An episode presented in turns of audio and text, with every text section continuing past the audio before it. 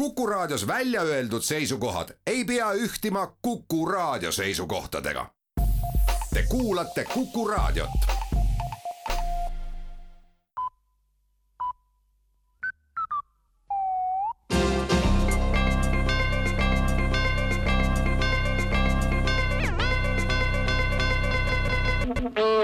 tere kuulama uudiseid stuudios Rohke Develak. Valitsuse pressikonverentsil eile keskenduti taas hinnatõusule ja valitsus möönab, et paljudes kaubagruppides on hinnatõus olnud kestev ja ulatub näiteks tualettpaberi puhul juba enam kui viiekümnele protsendile.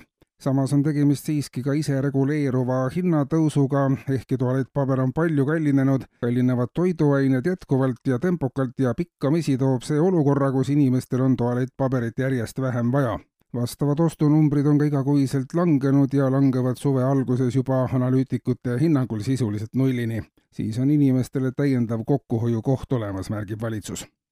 ja valimislubadusi ja mõtteid Tallinna Haigla ja Haapsalu raudtee rahastamise küsimuses on neid projekte eest vedavad erakonnad siiski suutnud nüüd formuleerida sellesisulise valimislubaduse algselt mõlema rahastamisest loobumise asemel on projektid siiski kavas, kuid kulude kokkuhoiu mõttes ühendatud tuleb Haapsalu raudtee ja sellel raudteel hakkab sõitma haiglarong. haigla on siis mitu korda päevas Tallinnas ja samas mitu korda päevas ka maapiirkondades, kus pole raviasutusi juba ammu. Tallinn-Haapsalu Tallinn haiglarongi eduka käivitamise järel avatakse ka Tallinn-Tartu haiglarong ja seejärel ka haiglarongid kõikidel ülejäänud olulistel suundadel pärast pikemat vaheaega hakkab aga Riigikogu homme taas menetlema kooseluseaduse erinevaid lisasid ja rakendusakte ja muuhulgas kohustavad need inimest kulukast üksi elamisest loobuma ja leidma kaaslase, kellega elada koos.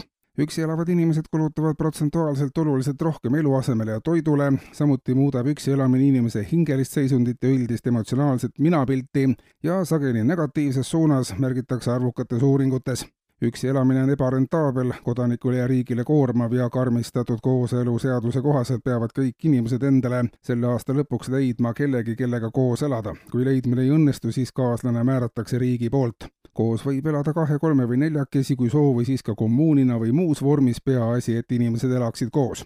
nii kulub ühe inimese peale vähem elektrit, gaasi ja muul viisil energiat ja koos elamine kestab esialgu, kuni Eesti saab endale korraliku tuumajaama ja ka hariduselu arenguid haridusvaldkonna edasise rahastamise paremaks tagamiseks on otsustanud valitsus kehtestada põhiharidusmaksu ja ka algharidusmaksu. seda maksu maksaksid isikud, kelle haridustee piirdub kahekümne viiendaks eluaastaks kas põhi- või algharidusega. kõrgharidusega inimestele on majanduses ja ühiskonnas ja poliitikas toimuv üldjuhul enam-vähem selge, väiksema haridusega inimesed on aga riigile kulukamad, sest neile peab kogu aeg selgitama, et valitsus tahab neile ainult head samuti on väiksema haridusega inimesi populistlikel jõududel kergem manipuleerida, mis omakorda võib kaasa tuua suuri probleeme.